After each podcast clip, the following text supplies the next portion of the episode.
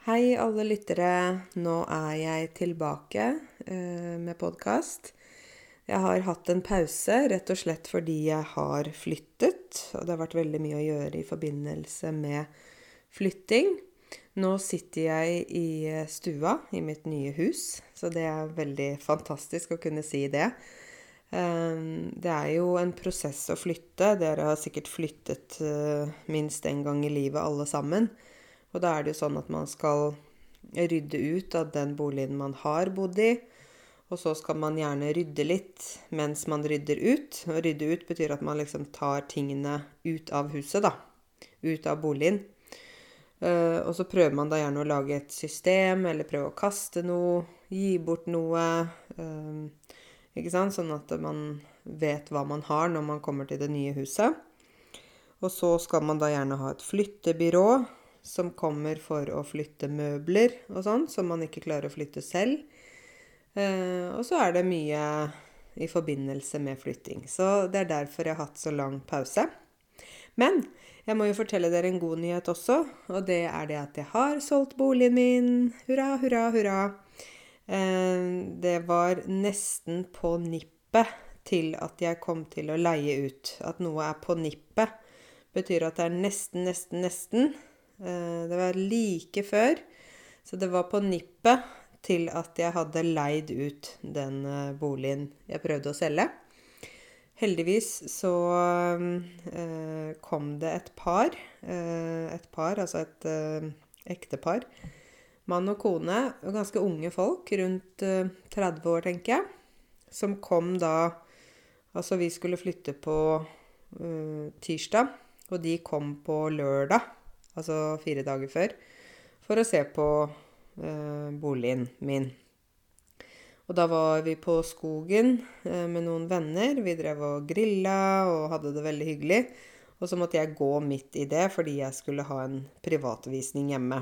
Og jeg har jo hatt mange privatvisninger.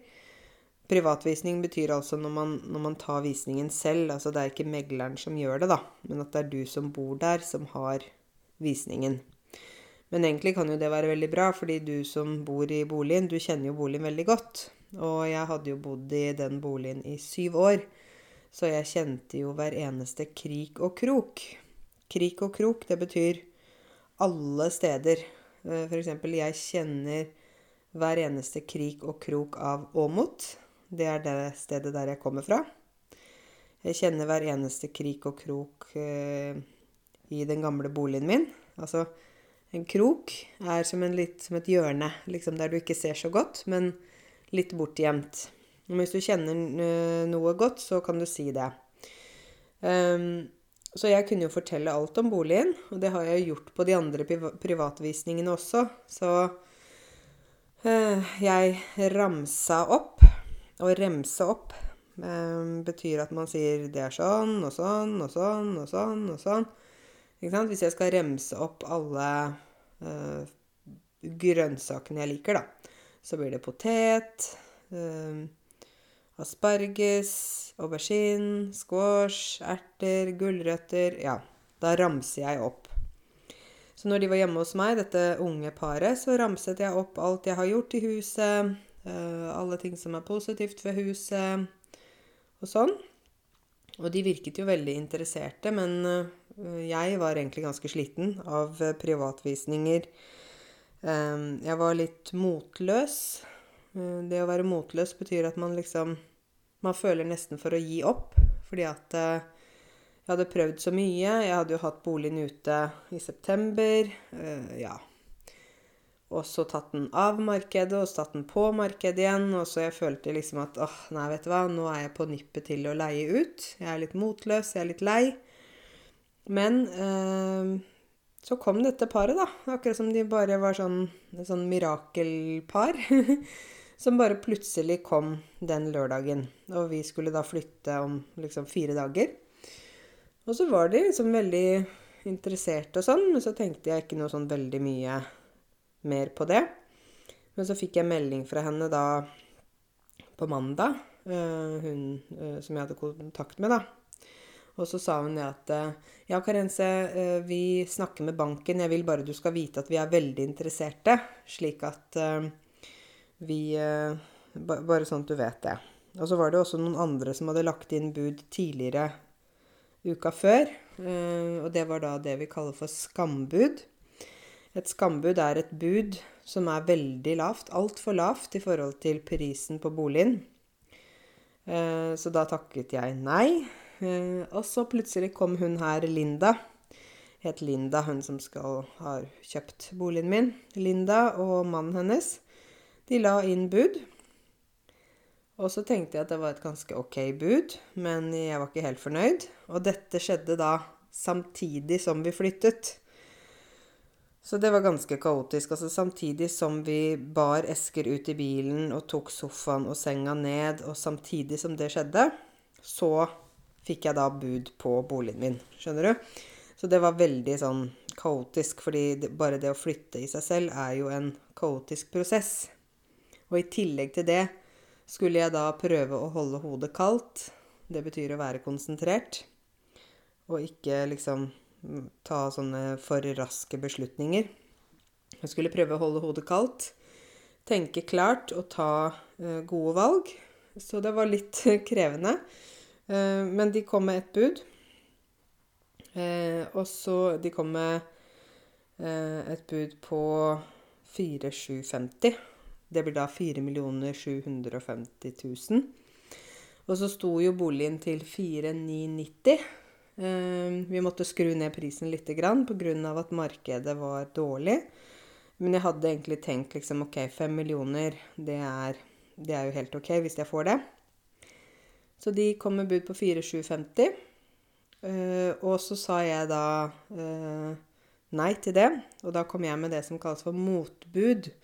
Og et motbud er altså når, når de har gitt et bud, og så kommer jeg med et bud tilbake, som er gjerne da høyere enn det de ga. Og da ga jeg motbud på prisantydning. Og prisantydning var da på 4990, altså nesten 5 millioner, da. Og da sa de nei til mitt motbud. Og så kom de med nytt bud, 4,9. Og så uh, tenkte jeg at jeg forsto at de gjerne ville gjerne ha denne boligen. Og jeg ville gjerne at de skulle kjøpe, for det var veldig hyggelige folk. Uh, men da sa jeg Jeg kom med et motbud på 4950. 4 950 000. Og da sa de ja. Så mens vi drev her og flytta og putta inn uh, esker og sofa og seng og jeg vet ikke hva, så fikk jeg solgt boligen min på samme dag som vi flytta. Så det var liksom veldig, veldig spesiell situasjon. Men nå er jeg i hvert fall ferdig med boligsalg, og her vi bor nå, har jeg lyst til å bo til jeg blir gammel. Eh, det er eh, en enebolig. Det er en sveitservilla. Og det er det sånn jeg alltid har drømt om. Så sveitservilla, det kan du søke på Google, men det er en sånn eh, byggestil. En arkitektur eh, Den er vel hentet fra Sveits, sikkert. Og det er altså gjerne hvite hus eh, med balkong foran. Dette huset er fra 1895. Eh, det er eh, hvitt trehus. Tradisjonelt bygget. Veldig pent hus. Uh, og det er liksom sånn åh, det er sånn drømmehjemmet mitt. Så nå sitter jeg her i drømmehjemmet mitt. Jeg bare kan nesten ikke tro at det er sant. Jeg syns det er helt fantastisk. Så mm, det er jeg veldig både stolt av og veldig glad for. Og nå har jeg landa. Det snakker vi ofte om når vi, vi er på jobb og sånn. Så sier vi ok, vi må lande den avtalen. Vi må lande det prosjektet. Å lande noe, du vet, det er vel henta fra flyverden, tror jeg. Når flyet er oppe i lufta, ikke sant, så har det jo ikke kommet frem ennå. Og flyreisen er ikke ferdig. Men når flyet lander, da er liksom flyreisen over, og du er fremme. På samme måte sier vi at uh, vi må lande et prosjekt. Det betyr at vi må bli ferdig med prosjektet og få prosjektet uh, gjennomført. Og på samme måte kan jeg også si at jeg har landet i denne nye boligen. Så det er et spørsmål til deg som du kan tenke over. Har du landet i Norge? Altså øh, Slapper du av med livet ditt her, eller føler du fortsatt at du er litt sånn Litt i hjemlandet, litt i Norge? Eh, jeg kjenner jo mange innvandrere som er Ja, det har jeg snakket om før også, men det er kroppen er i hjemlandet. Eh, nei, vent litt, det blir feil. kroppen er i Norge, og så er hodet i hjemlandet. Og sånn kan det jo være for en del av dere, og i perioder kan man jo være mer sånn at uh, man er fysisk i Norge, ikke sant? Men så tenker du så på mye på det som skjer i hjemlandet, og tenker på familien, og tenker på livet du hadde og sånt, at i perioder så er du litt fraværende. Uh, du går på jobb, du går på skole, du gjør tingene du må, men hodet ditt er et annet sted. Og det tenker jeg er ganske naturlig når man flytter. Eh, og mange av dere har jo flyttet av ulike grunner. Noen av dere har flytta fordi dere fikk jobb i Norge. Andre fordi dere uh, gifta dere med en nordmann. Uh, andre kom på familiegjenforening. Noen kom fordi de skulle studere i Norge. Uh, noen bare flytta til Norge for å prøve uh, et nytt liv. Ja, det er mange grunner til at folk kommer til et land. Og jeg tenker det at når du kommer frivillig fordi du vil, det er en annen sak enn når du kommer fordi du må. Altså når du flykter, eller du må på en måte reise av at uh, det er dårlige tider i hjemlandet ditt, uh, det er ikke jobber, uh, det går ikke rundt økonomisk, ikke sant. Da er jo på en måte også litt annerledes enn om du f.eks. flytta fordi 'Å, jeg er så glad i Norge. Det er så vakker natur, og det er så fint land. Jeg vil gjerne flytte dit'. Det er to helt forskjellige ting. Så øh, jeg kan godt forstå at hodet deres kan være i hjemlandet. Også ikke bare én gang, men ofte. Men jeg tror når man har det sånn, da ikke sant? Det er jo eh, sånn hjemlengsel, kaller vi det. Hjemlengsel, eller sånn homesickness, sier man på engelsk.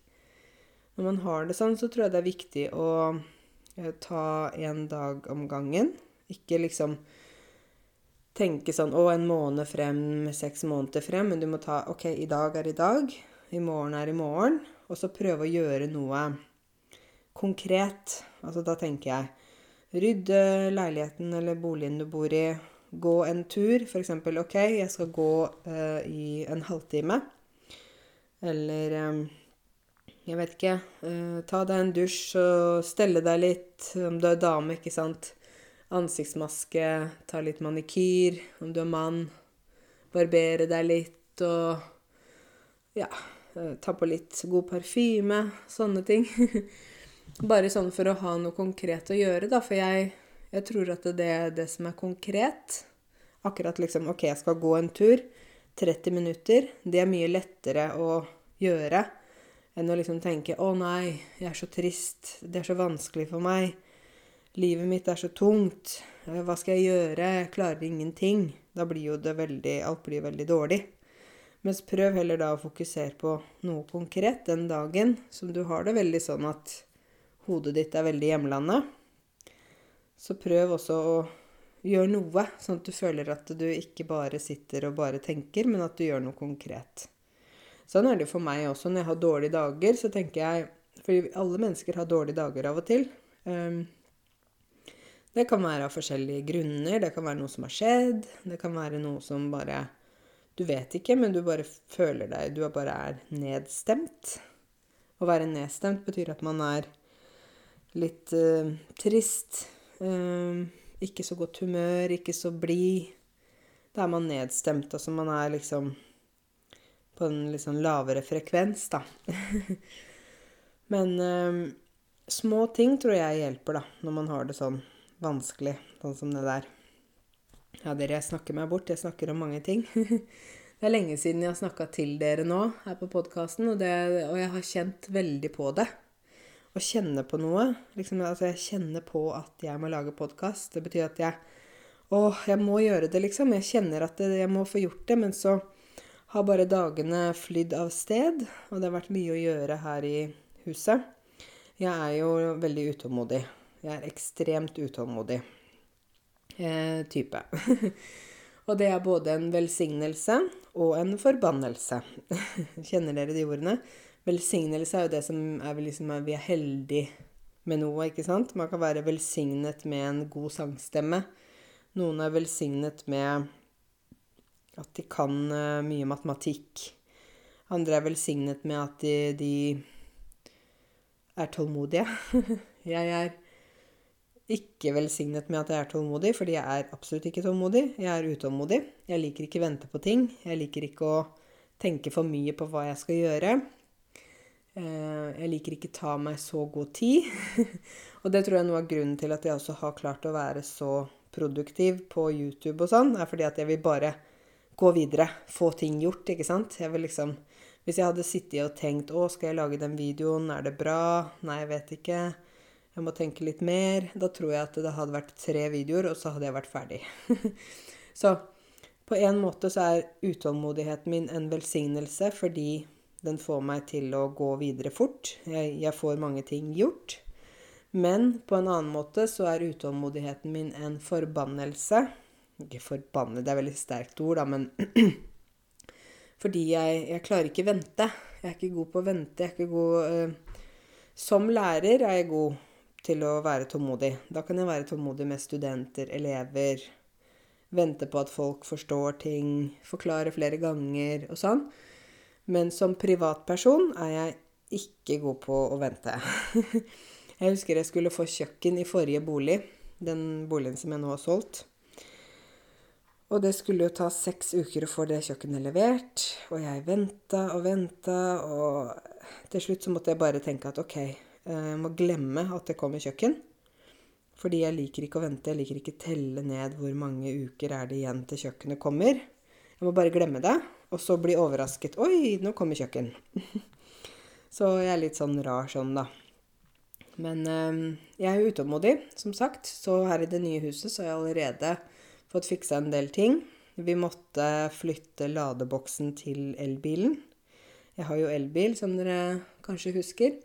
Og jeg hadde en ladeboks på forrige bolig, sånn til å lade hjemme, ikke sant. Så jeg fikk flytta den til den nye boligen. Og så måtte vi liksom fikse litt sånne små strømting. Um, og så uh, har jeg da snakket med et firma som driver med persienner. Fordi i denne sveitservillaen så er det veldig mange vinduer. Veldig fine vinduer, men det er liksom Man kan se rett inn i huset. Og da tenker jeg at uh, av og til så vil man gjerne skjerme litt, ikke sant. Om kvelden når det er mørkt, så kanskje du vil ta noen persienner ned så du ikke liksom ser rett inn. Og jeg vet at det er noe som en del innvandrere, eh, kanskje en del av dere, syns er rart, er at nordmenn har liksom vi, vi har vinduer som du kan se rett inn. Du kan se folk sitte i stua og se på TV. Du kan se folk lage mat. Uh, og i mange land så er det jo vanlig at man liksom man blender helt. Altså man øh, stenger for vinduer slik at folk ikke kan se inn. Og det syns jo vi er rart igjen, fordi jeg vil jo ikke ha persiennene foran vinduet hele tiden. Uh, men av og til så vil jeg gjerne skjerme meg litt, altså på en måte beskytte meg litt, slik at ikke alle kan se inn. Men vi nordmenn syns det er hyggelig når det er lys i vinduet. Uh, det liksom er noen som er hjemme. Uh, og vi står jo heller ikke sånn og spionerer på naboen og står og titter inn i ti minutter. Vi går jo forbi huset, ikke sant. Så det er jo ikke sånn om Hvis jeg går forbi et hus, og så ser jeg at noen lager mat på kjøkkenet, så ser jeg det bare tre sekunder fordi jeg går forbi. Så det er jo ikke meningen at man skal stå der og glane. Vet du hva glane betyr? Glane. Eller stirre. Um, det betyr at du står og ser og ser og ser og ser og ser. Og det å glane er ikke noe positivt, da. Da er man liksom for intens. Så ja, men jeg har i hvert fall fått bestilt persienner til hele huset, og det var mange vinduer, så det var um, ja, en stor bestilling. Men jeg eh, bestilte da av eh, noe som heter Grorud persienner, som er eh, rundt her jeg bor. For særlig i disse tider, men generelt, så er jeg veldig opptatt av å støtte lokal næring. Altså støtte firmaer som finnes i nærmiljøet mitt, da. For ja, jeg kunne kanskje funnet et billigere firma. Jeg kunne gjort mer research. Altså sjekka mer, sammenligna priser. Ja. Men som dere vet, jeg er utålmodig, så jeg vil ha ting gjort. Og så synes jeg samtidig det er positivt å støtte det lokale eh, eh, lokale eh, Hva heter det? Ja, lokale næringen. Eh, næring er da liksom forskjellige firmaer, da. Næringslivet er firmaene som finnes, og business og bedrifter og sånn. Så støtte det lokale næringslivet betyr at jeg da f.eks. handler mat på nærbutikken. At jeg bruker de tjenestene som finnes der jeg bor, uten å reise lengre bort for å få billigere. Så Grorud Persienner de tok oppdraget om å levere persienner til hele huset. Og det kommer da Jeg håper kanskje i hvert fall noe av det kommer før jul. Eh, så da er det på plass. Det er liksom én ting. Og så eh, På forrige leilighet, eh, forrige bolig Jeg vet ikke om dere husker da jeg snakket om at jeg pusset opp badet og sånn.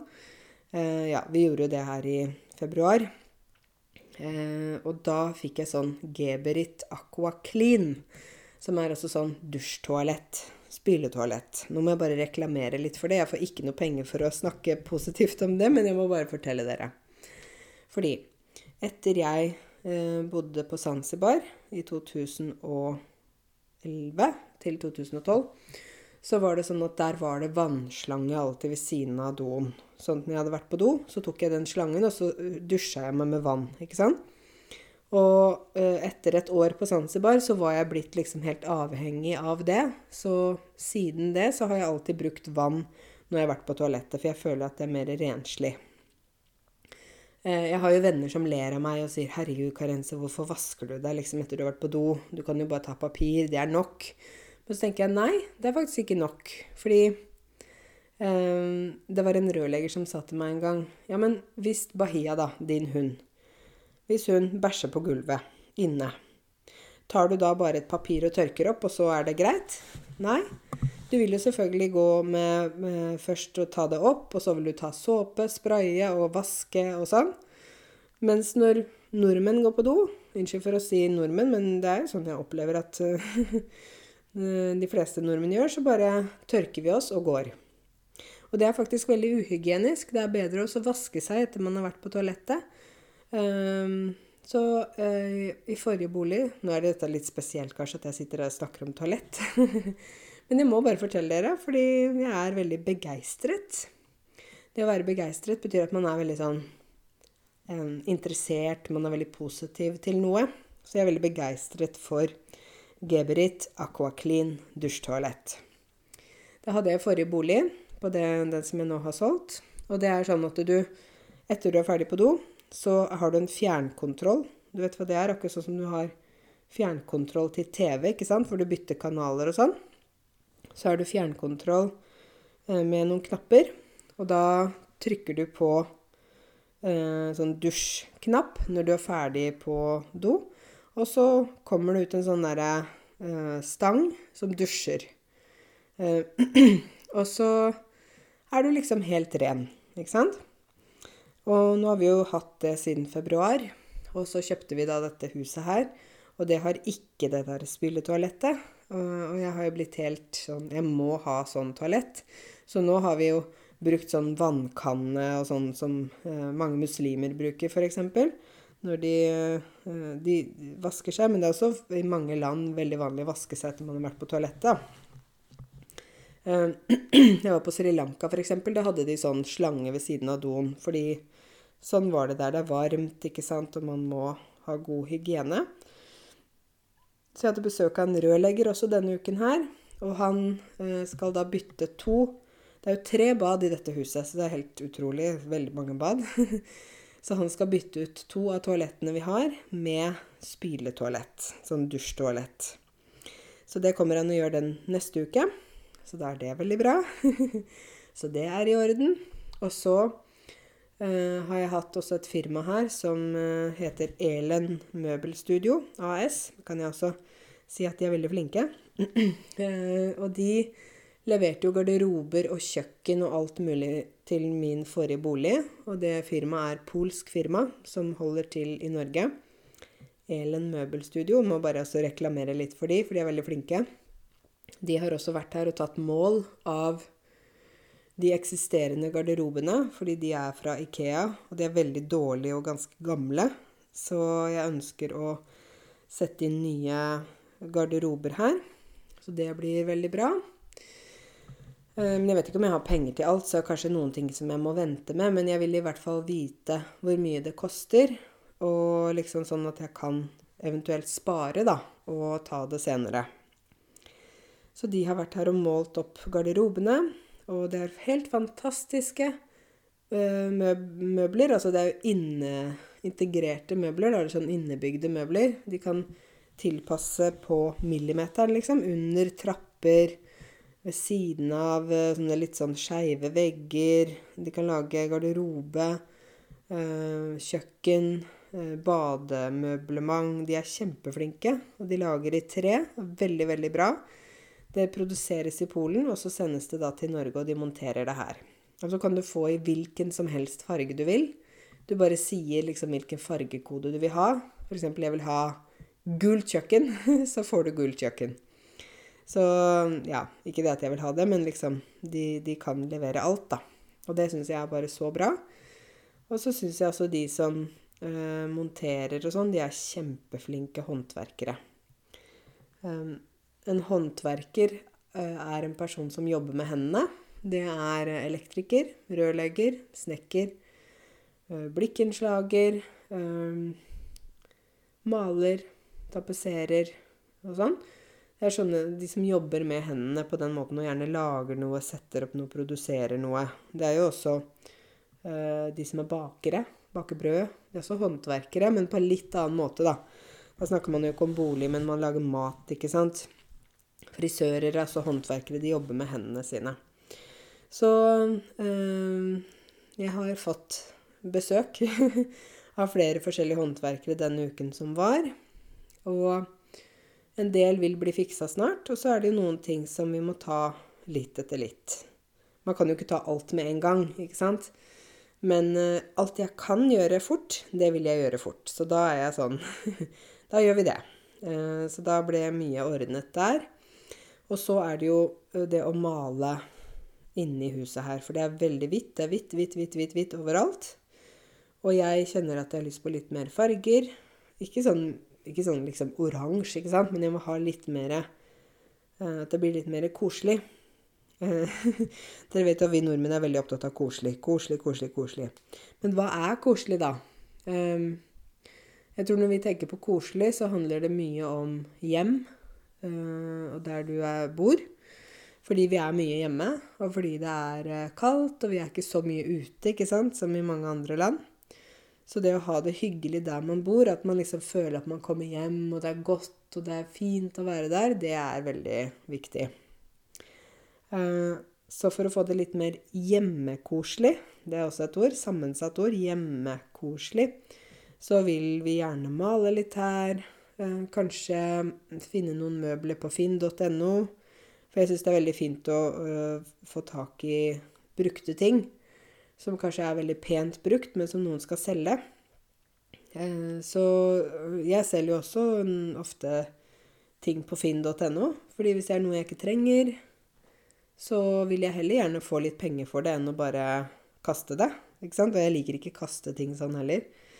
Så jeg solgte f.eks. nå eh, et eh, teppe som ikke passa inn i dette huset. Og jeg har solgt eh, mange ting på Finn og kjøpt en del ting. Og av og til så har jeg gitt bort noe også. Det har vært noe jeg liksom tenkte at Hvis jeg på klær, da. Det er ikke så lett å selge klær så sant det ikke er noe sånn dyrt merke eller noe sånn veldig eksklusivt. Så da har jeg på en måte sagt at jeg gir bort klær. Og da får jeg veldig mange henvendelser, mange som vil ta imot de klærne. Og så pleier jeg da å se på hvem de er, og liksom de som jeg tenker trenger mest. Det er de det blir, da. Så ja, det er eh, litt sånn og at jeg tenker litt sånn møbler på Finn, male litt, og så må man bo seg til. Det å bo seg til betyr at man Det tar tid før man finner ro i et nytt hus. Før man liksom finner 'Å, her hører jeg til. Dette er mitt hjem. Her er hjemme.' Ikke sant? Så jeg kan jo tenke meg når dere flytta til Norge, at det tok absolutt tid å bo seg til og liksom bli komfortabel med å bo i Norge, da. Til dere som bor i Norge. Jeg vet jo det er en del av dere som ikke bor i Norge, som også hører på. Og det er veldig hyggelig. Um, men liksom det å på en måte finne sin plass Det å For jeg tenker sånn Når du kommer hjem, det skal være et godt sted. Det skal være et sted der du slapper av, et sted der du finner ro. Et sted der du kan være deg selv. Du kan uh, senke skuldrene, sier vi. Å senke skuldrene betyr å ta skuldrene ned. Slappe av, uh, ikke stresse.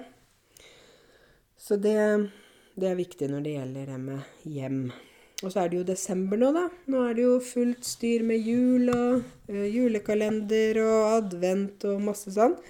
Det er jo litt spesiell jul i år. Uh, her i Oslo så fortsetter vi jo med sånne koronarestriksjoner til hva sa de, 7. januar eller noe sånt. Og jeg som har fått så god kontakt med Felicia, min personlige trener, som jeg nå ikke har sett egentlig hele november, vel. Um, og jeg får ikke begynt med sånne timer på treningssenteret med Felicia før kanskje januar. Og det er utrolig kjedelig, så jeg prøver å gå mye turer og prøver å liksom være litt aktiv. Men for meg så er sånn hjemmetrening er ikke det samme, altså. Jeg, jeg, jeg mister motivasjonen til å trene hjemme og holde på med sånn Jeg vet ikke. Jeg, jeg bare er ikke en sånn person som liker å trene i stua, liksom. Så jeg har heller gått lange turer og gått fort og uh, Så har vi jo flytta, det var jo slitsomt. Da må vi bære masse esker og sånn. Så det gikk jo litt tid til det. Men uh, generelt så er det kjedelig at uh, treningsstudiene er stengt. Jeg skjønner at de må gjøre noe. Men ja, akkurat det med trening syns jeg er kjedelig. ja, så går jeg med, med munnbind, da. På alle butikker og passer på sånne ting. Så jeg, vi er jo ikke så veldig mye med folk, jeg og Bishar som jeg bor sammen med. For han jobber på hjemmekontor, og jeg er enten i huset, eller så er jeg på kontoret mitt. Så, og på kontoret mitt er det bare jeg som sitter. Eh, så, og så går jeg jo tur med noen venner og sånn, men jeg har ikke hatt så veldig mange folk rundt meg fordi at det har vært korona og jeg ønsker å prøve å holde meg frisk, sånn at jeg slipper å få det. Da da jeg, blir det ikke noe YouTube etter det blir ikke noe podkast i hvert fall da, hvis jeg får korona. og så har jeg astma egentlig, men jeg er ikke noe plaget med min astma. Um, og faktisk så var det sånn at etter jeg ble vegetarianer for ganske mange år siden, så ble jeg bedre med astma. jeg vet ikke hvorfor, men jeg, jeg, jeg pleide å ha mye mer sånn problemer med eh, liksom eh, at jeg hadde at det var veldig sånn Av og til vanskelig å puste hvis jeg trente hardt. Eller f.eks.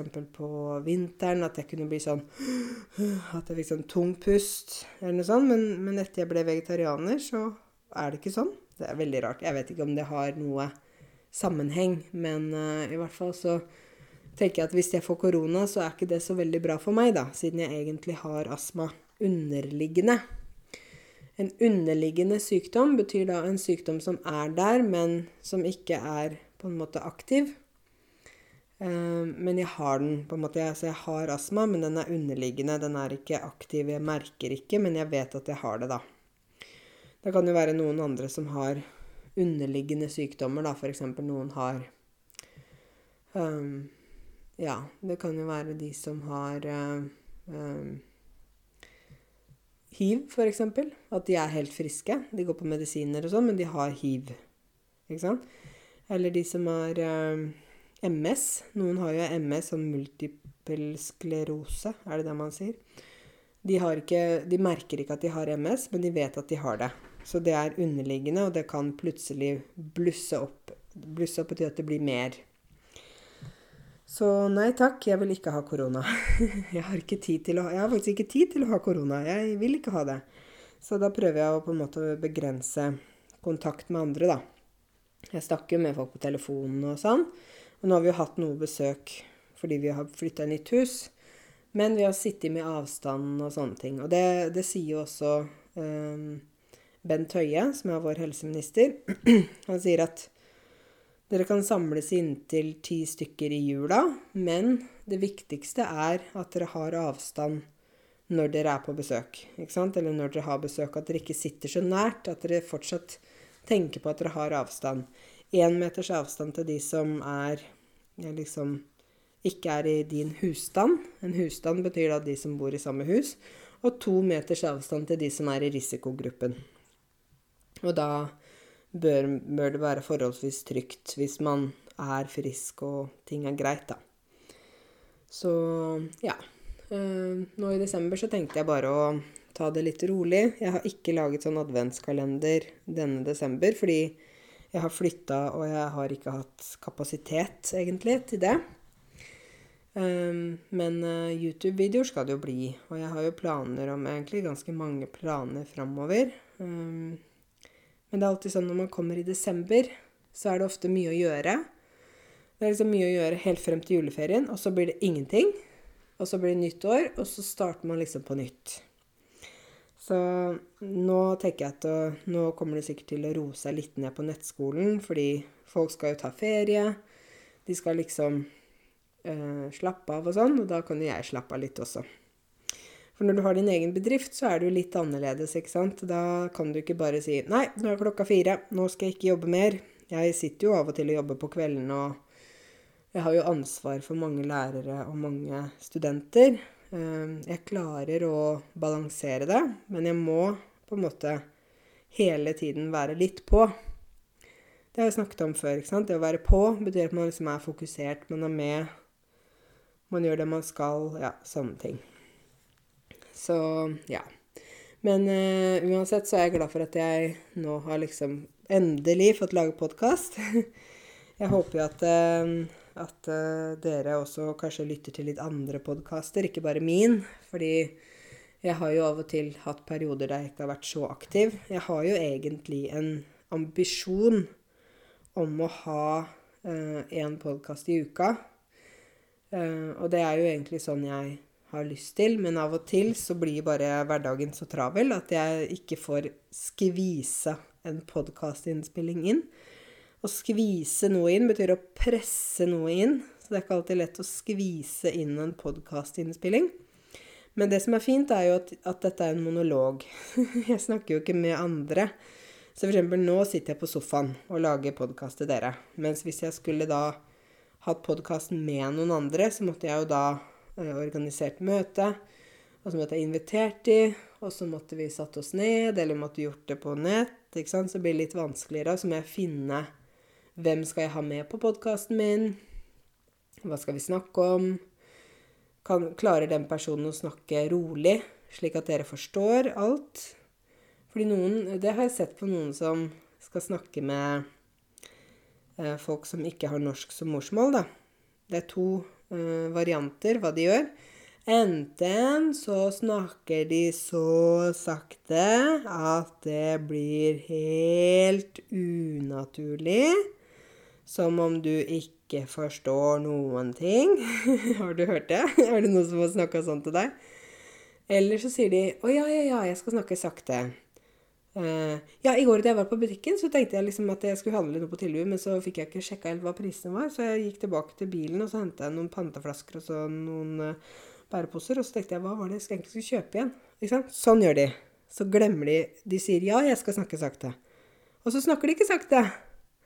Uh, og det er det jeg blir litt nervøs for hvis jeg skal ha med noen på min podkast. Enten at de misforstår helt, at de snakker sånn for sakte.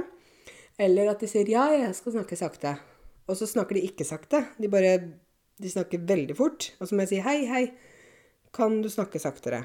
Så det er jo litt av utfordringen for meg, fordi jeg kan jo ikke bare ha med hvem som helst. Det må jo være noen som har forståelse for at denne podkasten her snakker vi litt tydeligere, litt roligere, ikke sant? Så um, vi får se en vakker dag om jeg får med noen på podkasten min, men foreløpig så liker jeg monologene mine i sofaen. jeg har jo mange tanker, og jeg har mange ting jeg gjerne vil dele med dere, så jeg syns egentlig det er jeg, vet at mange av dere lytter til det jeg har å si, at dere lærer noe nytt, at dere reflekterer litt, at dere liksom tenker 'Å, hm, det har jeg ikke tenkt på', eller 'Å, det er sånn', eller 'det er sånn', ikke sant? Så um, jeg er jo veldig glad for å kunne påvirke dere og hjelpe dere til å kunne mer, lære mer, forstå mer eh, av Norge, norsk kultur, norsk språk osv. Fordi når alt kommer til alt, så er det jo eh, mye som dere ikke får med dere, bare fordi dere ikke er norske. Ikke sant? Det er jo ord og uttrykk, det er måter å reagere på, måter å være på, ting du skal gjøre, ting du ikke skal gjøre. Ikke sant? Det er så mange sånne nyanser. Nyanser betyr sånn i farger, da. Så kan man si at det er mange Hvis du tenker på gul, gul farge Det er ikke én farge. Det er mange forskjellige gulfarger. Eller blå. Det er ikke bare én blåfarge. Det er mange forskjellige blåfarger. Det er mange nyanser. Og sånn er det i språket også. Så når man er på et høyt nivå, da har man et språk som er nyansert. Det betyr at man kan klare å uttrykke seg på veldig mange forskjellige måter. Bruke mange ord og uttrykk og ha veldig sånn rikt vokabulær, mye kunnskap. Man kan komme med ting som øh, andre egentlig blir overraska. Bare 'Hæ, hvordan kunne du det der?' Eller 'Hvordan har du lært det?' Ikke sant? Da har man et nyansert språk. Og for å komme dit så kreves det hardt arbeid, stor innsats, øh, ofte flere år for å komme dit. Eh, eller at man er veldig ung når man begynner å lære språket. At man er barn eller ungdom. Men som voksen så tar det tid å komme dit at man har et nyansert språk når det ikke er morsmålet ditt, og når du lærer det i voksen alder. For meg, f.eks., så er det sånn eh, engelsk, ikke sant. Jeg har et nyansert språk i engelsk, men det er ikke vanskelig heller, fordi jeg har jo hatt med meg engelsk hele veien.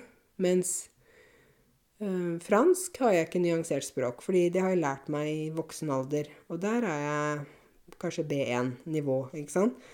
Og så øver jeg ikke fransk til daglig, og så har jeg ikke kontakt med så mange som snakker fransk. Og da får jeg ikke øvd meg, da får jeg ikke blitt bedre, da. Så jeg håper jo at med denne podkasten at jeg kan gi dere da flere nyanser. Gi dere et større vokabulær. Gi dere muligheten til å uttrykke dere på flere måter, ikke sant? At dere ikke bare bruker ordet se, men av og til må dere bruke ordet glane. Av og til ordet stirre. Av og til ordet 'betrakte'. Ikke sant? Det er mange måter å, å si at 'jeg ser'. Mens hvis du bare kan verbet 'å se', så blir det bare alltid 'se'. Men av og til så glaner noen. De ser ikke, de glaner. Sånn som jeg sa, at man står og ser og ser og ser og ser. Da må man ha det nyanserte språket til å forklare at han står og glaner inn vinduet til naboen. Han ser ikke, han glaner. Så det er disse nyansene, da, disse mange ordene som gjør at man da blir øh, Høres veldig sånn norsk ut, da. Og har et nyansert språk. Men nok om det, dere. Eh, det var min lille skravlestund eh, for i kveld. Nå er jeg Altså, jeg har landa. Jeg er i huset mitt. Jeg har mer overskudd nå. Litt mer oversikt og litt mer kontroll. Så nå håper jeg at jeg kan klare å holde podkastene eh, gjerne hver uke fremover. Eh, hjelp meg til å få til det. Skriv gjerne til meg hvis dere har noen ønsker eller tips til hva jeg bør snakke om i podkasten, så gjør jeg gjerne det. Og så ønsker jeg dere alle sammen en riktig god eh, uke videre. Og at eh, Eller uka som kommer. Det kommer jo faktisk en uke nå. Nå er det jo ikke en uke videre. Det er jo egentlig en uke som kommer, for nå er det søndag. Så ja. Tusen takk for at dere lytta til podkasten min, og ta vare på dere selv og de rundt dere. Ha det godt så lenge.